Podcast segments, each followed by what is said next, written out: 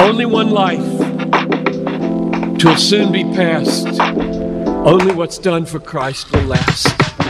You're not David! But a woman should be nothing more or less than what God made her to be. Tør du å stå for noe som kanskje blir spotta for? Det er på tide. Ladies, you are not enough. And that's okay.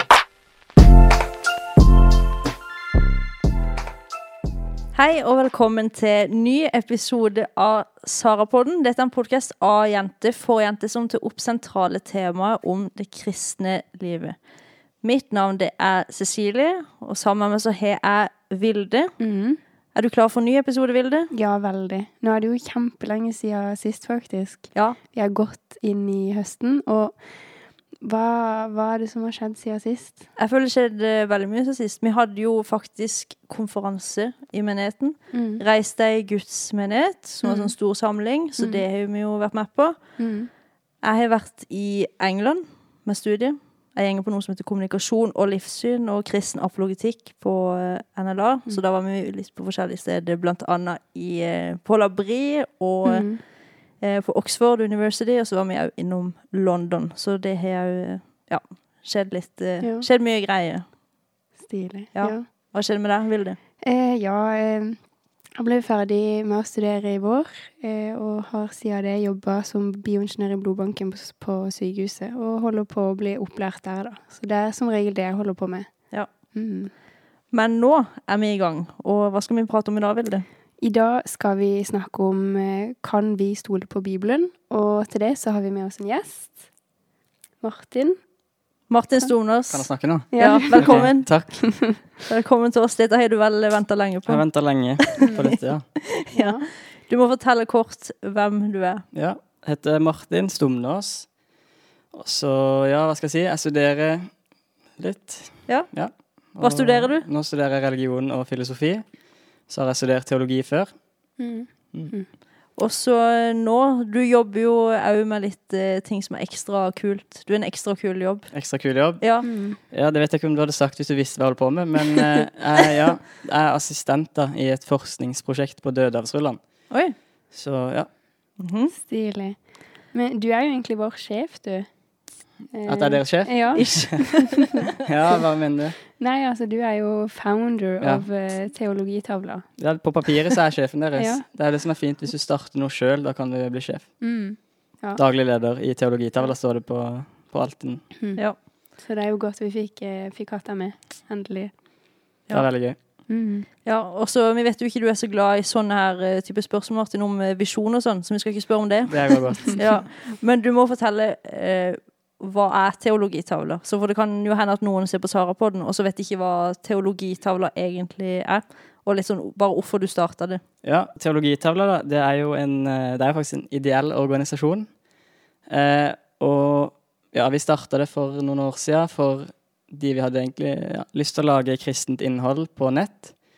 Så jeg tror det står på nettsida at, eh, at vi skal på en måte lag, formidle kristen tro og teologi til oppbyggelse for kirka til Guds ære. Så det er jo, der er det jo en visjon der, da. Uh, men ja. Teologitavla er jo bare hva skal vi si, en plattform for å spre kristent innhold. Ja, Så det er jo det altså Sara på den er under. Ja, vi, la, vi produserer Sarapodden. Ja. Så- Og så har vi jo Fundament. Dere hadde jo Nei, hvem var sist gjest? Var det Rikard? Det er for noen episoder Ja, okay, det er litt eh, Jeg følger ikke med, vet du. Men ja, Rikard, han er jo også Det er jo en, en av de andre podkastene vi Ja. lager. Så ja. Mm. Så i dag så er det jo tema Bibelens troverdighet, eller kan vi stole på Bibelen? Så vi skal jo prate litt kanskje om eh, hvorfor det er viktig. Så en litt sånn intro til, til dette temaet. For mange syns kanskje det er arrogant å påstå at eh, Bibelen er sann, og at eh, vi er rett, og at de, eh, de som ikke tror på det, har feil. Men mange da, for mange da fornekter jo f.eks. at det fins sannhet. Men det å si at sannhet ikke fins, er jo òg en sannhetspåstand. Så da er vi jo like langt. Men det er jo de som sier at Bibelen er feil, da. De er jo ikke sånn at de er de nøytrale. Men, så derfor skal vi svare på litt spørsmål rundt Bibelen, som eh, mange ofte spør når man er i samtale, så langt som vi har kommet på det. Og vi tror at sannheten tåler spørsmål. Og så er vi jo begrenset til en viss grad fordi at vi er mennesker, så det er jo ikke sånn at man kanskje alltid alle svar. Men vi tenkte å svare på eh, kanskje noen innvendinger som man møter i samtale, som kanskje kan være til oppbyggelse for en sjøl, og faktisk trosstyrkende. Fordi at det er mange som kanskje blir stressa over disse spørsmålene, da, spesielt rundt uh, Bibelens troverdighet. Mm. Um, og i mange tidligere episoder så har vi jo sagt noe som kanskje har vært upopulært eller kontroversielt, men begrunner det i at eh, Bibelen sier jo dette. Uh, så derfor er det jo et kjempeviktig tema å snakke om hvorfor, eller sånn, grunnlaget til Bibelen, da. Eh, og også så er det kanskje mange som hører på, eller mange tanker hos folk som hører på, da. Eh, enten folk som ikke tror, eller folk som eh, tror og kan mye om Bibelen, men også folk som, som tror og eh, stoler på Bibelen, men kanskje ikke vet helt hvorfor, da. Eh, og der tenker jeg at det, er- det er viktig å, å gå gjennom det, eh, den prosessen. Eh, så ikke en kommer i f.eks. samtale med noen som stiller spørsmål til hvorfor tror du på det Bibelen sier, og så kan det ødelegge alt, da, fordi at en, eh, hvis en ikke en vet det, da. Eh, Så derfor er det et veldig viktig tema. Ja, jeg tror det er fint både for en sjøl, og så er det fint for Mm. de andre man òg treffer på. Ja. Men en vanlig innvending, Martin, det er jo at folk sånn, Det er en kommentarfeltinnvending. At folk ser ja. At Bibelen er jo bare en gammel eventyrbok. Hva, hva tenker vi om en sånn Hva tenker du når folk skriver det? Det, er, det, er det er bare et eventyr? Ja. Nei, altså Da kan du jo prøve å lese Bibelen da, og se, sammenligne den med et eventyr. Jeg vet ikke. Det er jo, altså For det første, da, så er altså Bibelen inneholder jo mange ulike tekster. Mange bøker, ulike sjangre. Eh, altså Deler av det er jo ren historie. Eh, jeg vet ikke hvor, altså vi kan, Skal vi liksom begynne å gå rett på eksempler, da? Ja, det kan Men vi. eh, altså bare for å ta liksom ett kjapt, da, er jo altså Lukas, da, for eksempel, når han skriver, når han begynner sitt evangelium, hvis jeg klarer å finne det, da Han, han, han, han sier jo på en måte at han har gått gjennom øyenvitnene Vi kan jo lese noen vers. Eh. Første Lukas evangelium, det han begynner med, er jo å si at eh, mange har forsøkt å gi en fremstilling av det som har blitt oppfylt blant oss, slik vi har fått det overlevert av dem som helt fra første av var øyenvitner og tjenere for ordet. Nå har også jeg bestemt meg for å gå nøye gjennom alt fra begynnelsen av, eh, gå gjennom alt fra begynnelsen av og skrive det ned for deg i sammenheng, ærede Theofilos. Theofilos. Så du kan vite at det er pålitelig, det du har fått opplæring i. Så Lukasevangeliet er jo i hvert fall ikke et eventyr, for eksempel. Eh, hvis, altså, eh, han har jo gått gjennom øyenvitnet, satt sammen tekst, beskriver jo faktiske historiske hendelser, eh, som vi finner masse av i Bibelen. da. Eh, ja. Ja, for Bibelen er jo full av historiske begivenheter, for eksempel. Altså, det er jo masse krig som blir omtalt, konge som regjerer. At det er jo en tydelig beskrivelse av tida som eh, man lever i. Men jeg tror kanskje mange har en tanke om det i dag, da, at hvis, vi, hvis noe er langt bak i tid, så må det være veldig, veldig lite troverdig, fordi at Bibelen er en gammel bok. Derfor er den lite troverdig. Og no, med noen tider så har man jo mindre kilde, kilde fra, mens andre tider så har man jo veldig mye kilde. Og spesielt tida som Jesus levde i. Og så den romerske kulturen som er ekstra godt dokumentert òg historisk sett, da. Så det er kanskje et Ja. eh, ja. Og, og hvis jeg kan kjøre, eller gå litt mer inn på det, så nå begynner vi liksom rett på her. Men ja, det er bra. altså, en ting som er på en måte interessant med kristendommen, da Altså, du har mange ulike altså, religioner og myter sant? fra gresk mytologi og sant? alt mulig annet. da. Kristendommen skiller seg jo på en måte ut da, fra mange andre sånne typer religioner. For at ja, han beskriver jo overnaturlige ting. Og jeg tror det er der kanskje den eventyrargumentet kom inn. Bibelen snakker om overnaturlige mirakler. ikke sant? Det største at Jesus sto opp igjen fra de døde, selvfølgelig. Eh, og da setter man det på en måte automatisk i kategorien som julenissen og As ja, Askeladden og ikke sant? hva enn det måtte være. da. Men det Bibelen beskriver, er jo altså kristendom da, er jo på en måte både basert på teologi og historisk hendelse. da, sant? Hvis vi bare bruker ett eksempel med, med, Jesus, da, med Jesus. Jesu oppstandelse er både teologi. Jesus døde for mine synder. Det er teologisk. Jesus døde, sto opp igjen. Det er en historisk hendelse som skjedde i historien. Jesus var en person som levde i historien, som vi kan undersøke. som Altså, vi har vitner fra historien, sånn som andre personer. Eh, så jeg kan på en måte, på overflaten så kan jeg skjønne den eventyrsammenligninga. Og det tror jeg kommer fra altså, at han snakker om overnaturlige ting. Men når vi studerer Bibelen, da, så ser vi at det er i en helt annen kategori. Altså Vi snakker om en person. Eh, og så er jo spørsmålet eh, hvilke forutsetninger har vi med oss før vi på en måte bedømmer Skriften. da. Og de som da sier at det er et eventyr, begynner jo med en forutsetning om at kanskje altså overnaturlige ting ikke kan skje. Så man kan jo stille spørsmålet hvorfor har du den forutsetninga, da? Eller. Men jeg tror kristendommen står i en Altså, ja, jeg har gjentatt det noen ganger, da. Men selv om Bibelen beskriver overnaturlige ting på samme måte som eventyr, så står han allikevel i en annen, annen posisjon, da. Ja, vi skal gå inn på litt det med miraklet litt seinere igjen i, i episoden. Mm. Eh, Martin, eh, du hadde jo et innlegg i Reistad Guds menighet om Bibelen som Guds ord. Men hva legger vi i Ja, kan du fortelle litt om hva du sa da? Hva legger vi i det at Bibelen er Guds ord? Mm. Det finnes jo veldig mange ulike skriftsyn.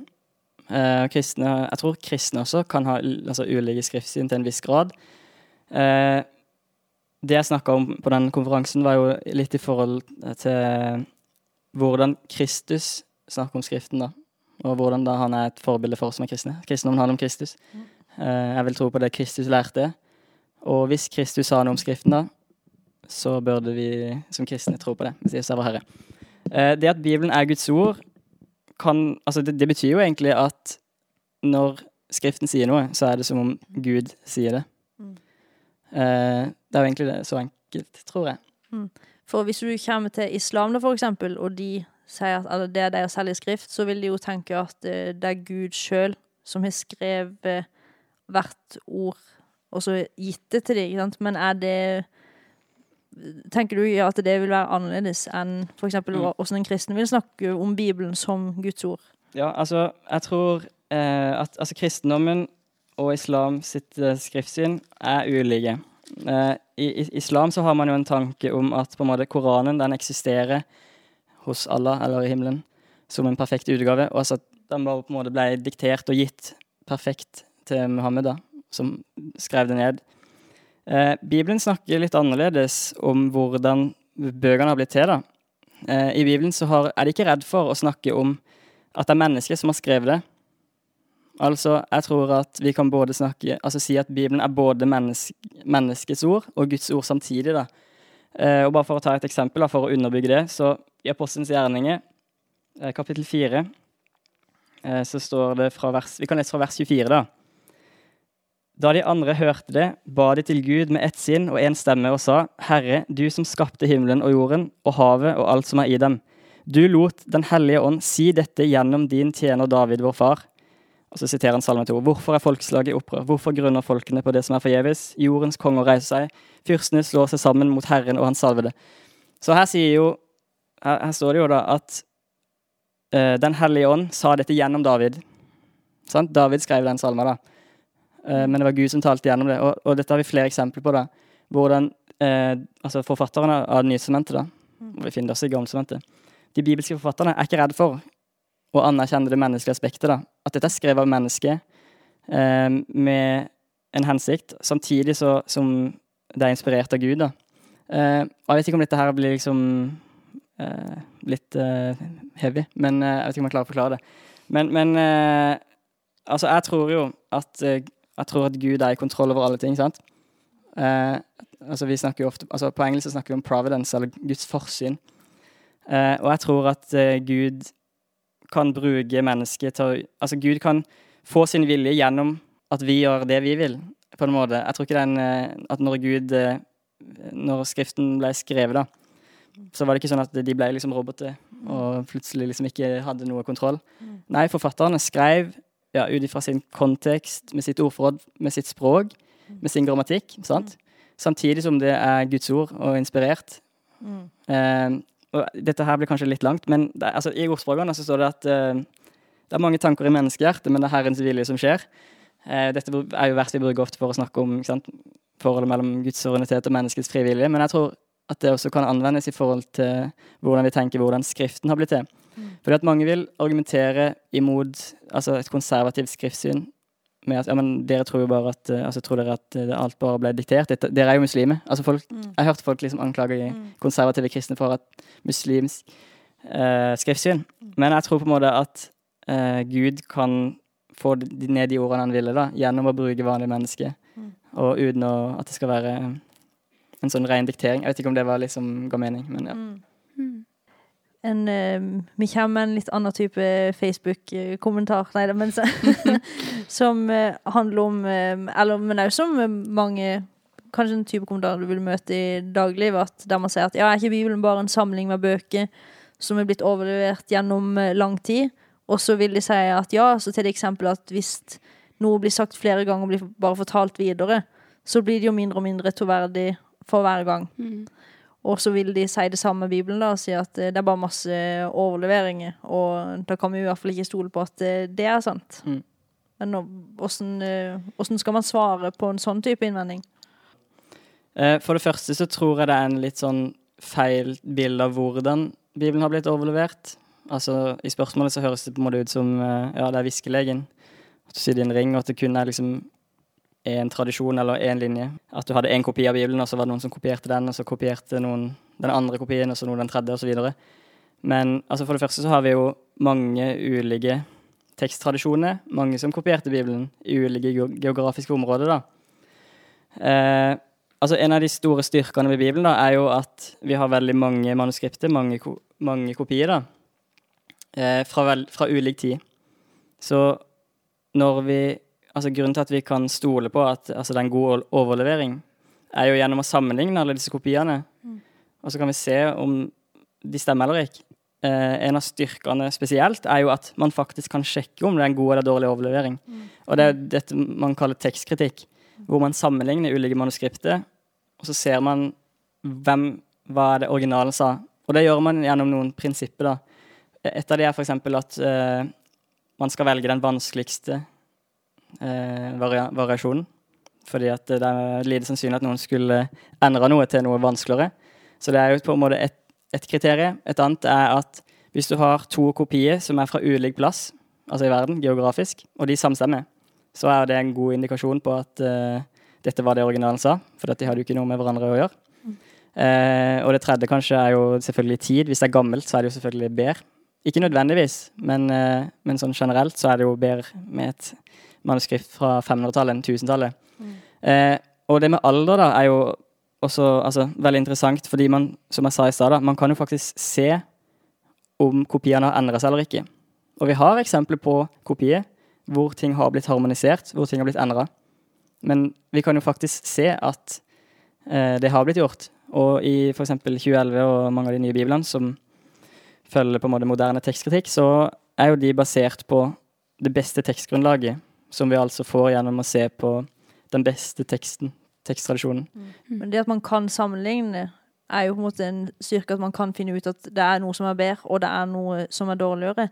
Tenk fra andre, f.eks. filosofer, ikke sant, som man kanskje ikke har like mange eh, tekster som man kan hente, eller eh, bevis, ikke sant, men som vi tar for gitt at ja, dette er jo sant, dette er, dette er jo reelt, så har vi jo minst like mye på Bibelen, om ikke mer, mye mer, og kjempegode bevis på at dette er faktiske hendelser.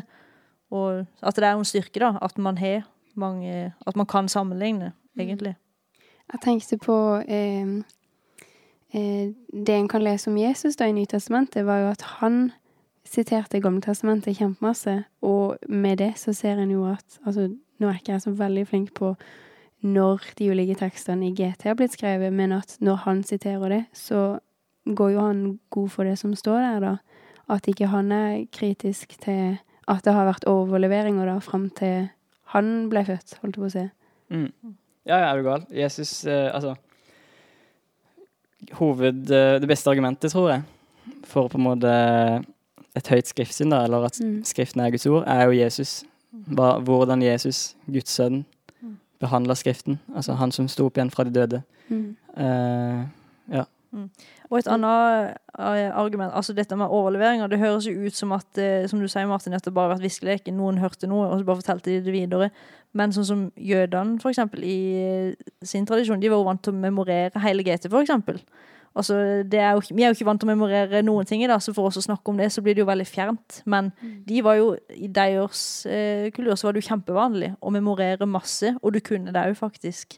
Mens eh, det er jo noe som er ganske fjernt for oss å, Mm. fjernt for oss å tenke på. Mm. Ja, og, og altså, du har til og med eksempler på hvor man har til og med kopiert feil. Med vilje, da. Altså skrivefeil, fordi man har vært så redd for å endre på noe. Mm. Så man har bevart feil for å ikke endre på noe som helst, til og med. Mm. Så det er jo, ja.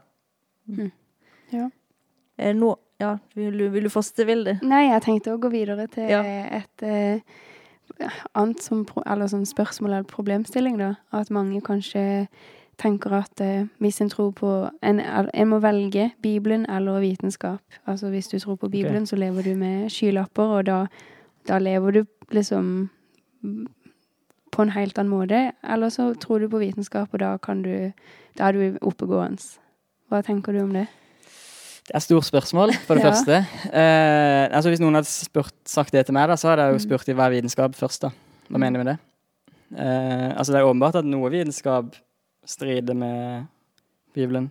Og altså det er, Hvis vi går litt tilbake i historien, så var det jo konsensus at uh, verden var evig.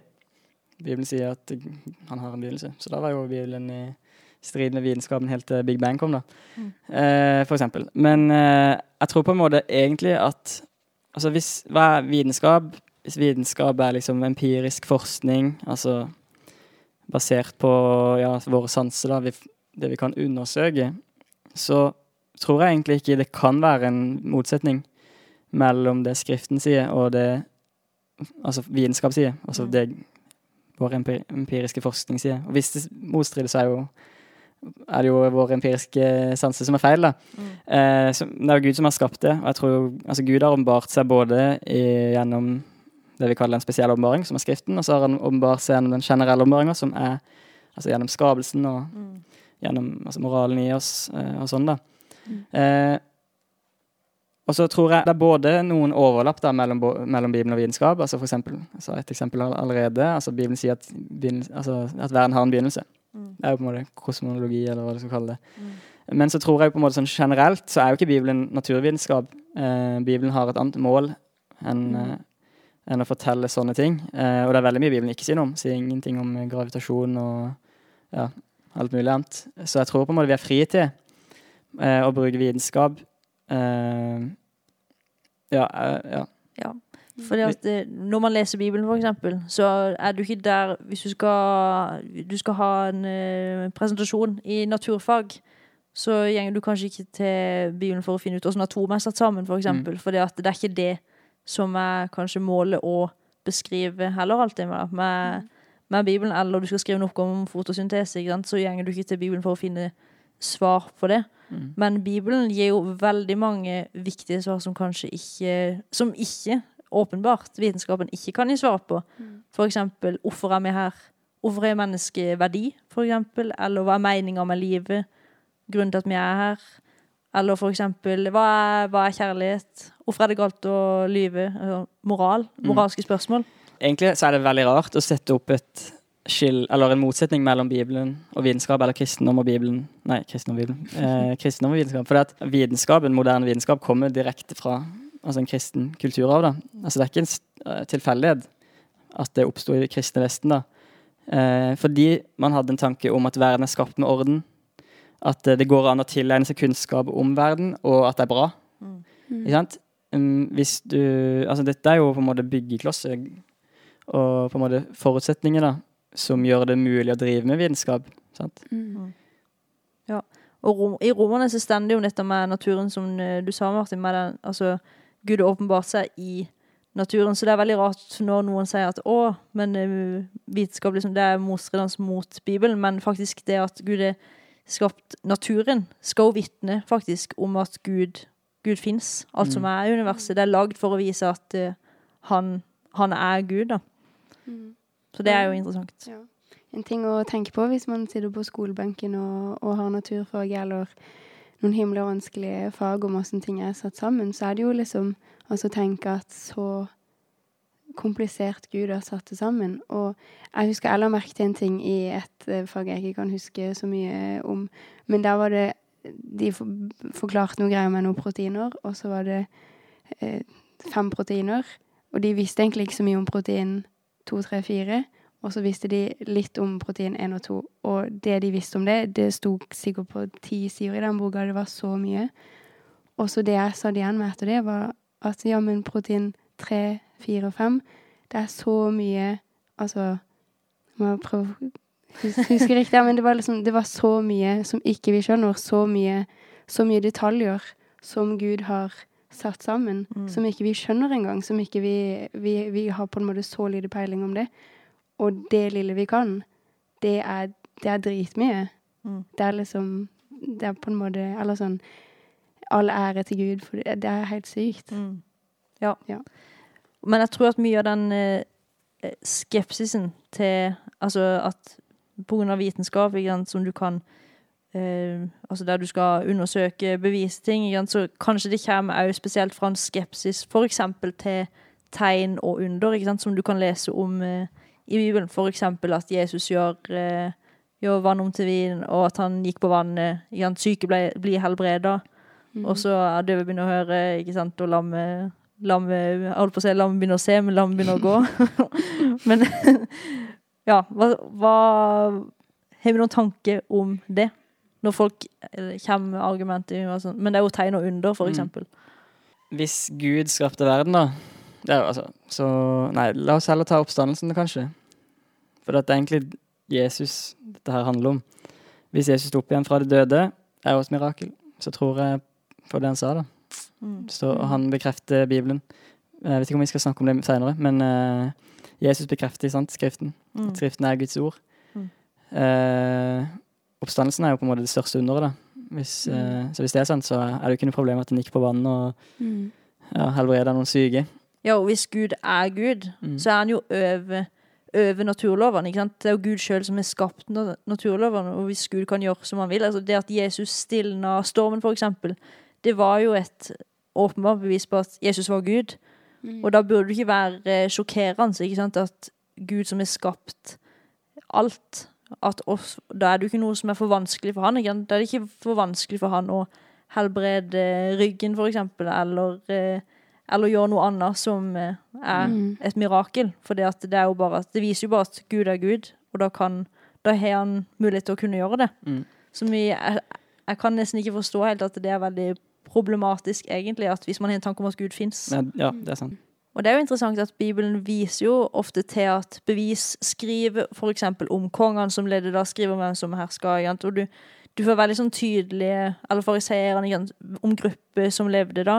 Men òg Paulus han snakker jo ofte om uh, vitner, spesielt er det en plass i første Korinter der, om folk som ennå levde, Mm. som hadde sett at, og visste at Jesus hadde stått opp fra de døde. Og det viser jo at eh, Paulus fikk ikke bare en åpenbaring alene, og så hadde han sånn sololøp, eh, og der Gud bare åpenbarte seg for han alene, som du kan se f.eks. i andre sekter som oppstår. Gud møter de bare alene der, og så må alle bare være enige i det. Men det var liksom Nei, altså gå og sjekk med disse. Disse levde jo eh, fortsatt. Eller de, de lever fortsatt nå. Bare gå og spør dem hvis du ikke er usikre på om det stemmer. Mm. Det er som Paulus sier noe litt vittig i, også i Apostelens gjerning 26, så sier han at uh, dette skjedde jo ikke i en avkrok, sier han til Agrippa. da. Liksom, kommer han. Dette var åpenbart Mm. uh, for alle, da. Uh, det er som du sier, da. Det var ikke en eh, Altså, det var en offentlig eh, hendelse, da, som er bevitna. Vi må innom én ting før som, eh, som vi egentlig skulle tatt opp litt tidligere. Men som handler om når Altså, når bestemte de at Nytestamentet skulle bli Nytestamentet, Altså sammensetninga, altså dette med kanon. Åssen åssen vet vi at det var akkurat de skriftene som skulle, som skulle være der? Nytestamentet er jo på en måte skrevet ferdig før 100-tallet. Det er ah, liksom basically alle enige om. Eh, mange mener tidligere også. Eh, Gammeltestamentet fikk vi jo overlevert sant, av jødene. Jødenes eh, bibel, hvis vi kaller det. Den hebraiske bibelen. Eh, og den var nok Altså Det virker i hvert fall som den er ferdig lukka på Jesu tid. Jeg tror det var før. Men eh, det, vi ser ikke noe diskusjon om på en måte, Når Jesus diskuterer med fariseerne, så er det ikke noe diskusjon om eh, hvilke bøker som er hellige, da, eller regnes som Guds ord. Nytestamentet blir jo altså skrevet mens kirka er i gang, da, etter Jesus. det var jo på en måte først Paulus da, som begynner å skrive brev til menighetene. Eh, og så har vi jo evangeliene som blir skrevet kanskje litt seinere. Eh, du spurte meg om når det blir kanonisert. Eh, og det er på en måte På en måte er det et veldig vanskelig spørsmål. Eh, man, jeg tror ikke man kan vise til på en måte et spesifikt årstall. Eh, mange pleier å vise til et sånn påskebrev fra sånn 300-tallet, Atanasius. Da lister han opp alle de 27 bøkene som vi har, som en på en måte eh, et mulig årstall. Eh, Men eh, jeg tror vi også kan peke på tidligere årstall, hvor, eh, hvor alle Som viser at alle bøkene er med, da. Men det som er grunnen til at det er vanskelig å svare på, er at det var ikke noe kirkemøte som på en måte satte seg ned og bestemte at ok, vi skal, nå skal vi tro på disse som Guds ord. sant? Hvordan Nytestamentet ble forma, er jo på en måte en organisk prosess. Eh, og du hadde ikke Altså, tenk, den første kirka var jo en forfulgt kirke.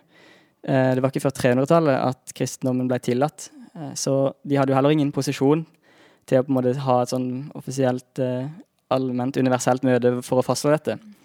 Eh, det man ofte gjør da når man snakker om hvordan nysement ble til, så snakker man om på en måte tre kriterier for å bedømme dette. Eh, og det ene er apostoli apostolisitet. Fint ord. Nå sa jeg det var tre, håper jeg husker alle. Eh, og så er det innholdet, teologien, på en måte. Og så er det bruk. Så eh, de tekstene som er blitt med i instrumentet, da, er jo de som enten har Altså de som har på en måte opphav hos apostelet, eller noen som er tilknyttet apostelen. Eh, og så må de jo på en måte altså de måtte samstemme da med de andre skriftene. De hadde jo, kirka har jo på en måte aldri vært uten en bibel. De hadde jo alltid Det gamle sementet. Eh, og så var det det siste da bruk. At det var brukt i de ulike menighetene. Geo stort geografisk område. Ikke bare liksom at én menighet hadde det, men, men at dette var noe på en måte kirka overalt hadde i bruk. Og det var på en måte sånn man eh, endte opp med å anerkjenne de 27 bøkene. Jeg sier anerkjenne, for jeg tror ikke at Nytestamentet ble skapt av kirka, men de anerkjente skrifter som allerede var i bruk, hadde autoritet og hadde apostolisk opphav. Og det er jo veldig viktig, for at, altså, her er jo på en måte et stort skille mellom kat katolsk og protestantisk skriftsyn. da. Katolikkene tror jo på en måte at det var kirka som skapte kanon. At Gud, sant? Kirka var de som på en måte ble satt til å gi de autoritet. Mens Ja. vi tror jo på en måte at Som Paulus sier, det er veldig sleipt, men, men eh, jeg tror det er Calvin som faktisk bruker dette som et argument eh, når han diskuterer med katolikkene. at i Efeserne 2 kunne kanskje slått opp, Efeserne 2,20 så skriver han at dere er bygd på apostlene og profetenes grunnvoll. Og så sier, bruker han det som et argument. da, og sier at eh, hvis kirka da er bygd på apostlene og profetenes grunnvoll, så kan jo ikke de være de som lagde Skriften. Altså, Kirka er bygd på disse tingene.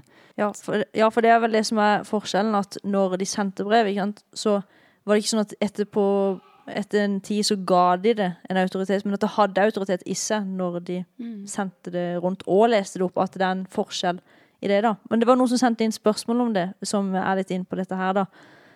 Eh, nå må jeg finne det her. Ja, at noen hevder kirkemøtet i Nikea ikke var det avgjørende for hvilke bøkebrev som ble inkludert, men at brevene som eh, allerede var mye i bruk, omløp i menighetene og som eh, i tillegg oppfylte krav om nære vitner var osv. Skal man da tenke at Den hellige ånd passer på hvilke brev som ble brukt, eller motsatt de brevene som nettopp var Guds ord, var de som ga liv, og dermed ble mest brukt? Ja, Jeg vet ikke om jeg forsto helt spørsmålet, men tenker du at er det egentlig det du prater om, at det er Gud sjøl, da? Eh, ja, så for det første, er Kirkemøtet i Ikea handler mer om altså, Jesu natur og kristologi. Det er jo sånn myte, egentlig, at det var liksom der de avgjorde hvem var nytestamentet. Bare for å ta den. Men eh, altså Vi må jo også legge til da, at det var ulike meninger i den tidlige kirke.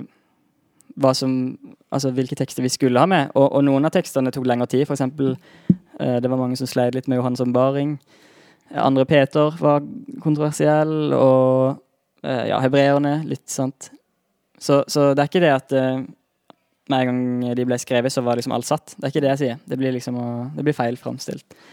Eh, men jeg tror jo at eh, Jeg tror selvfølgelig Gud virka gjennom dette.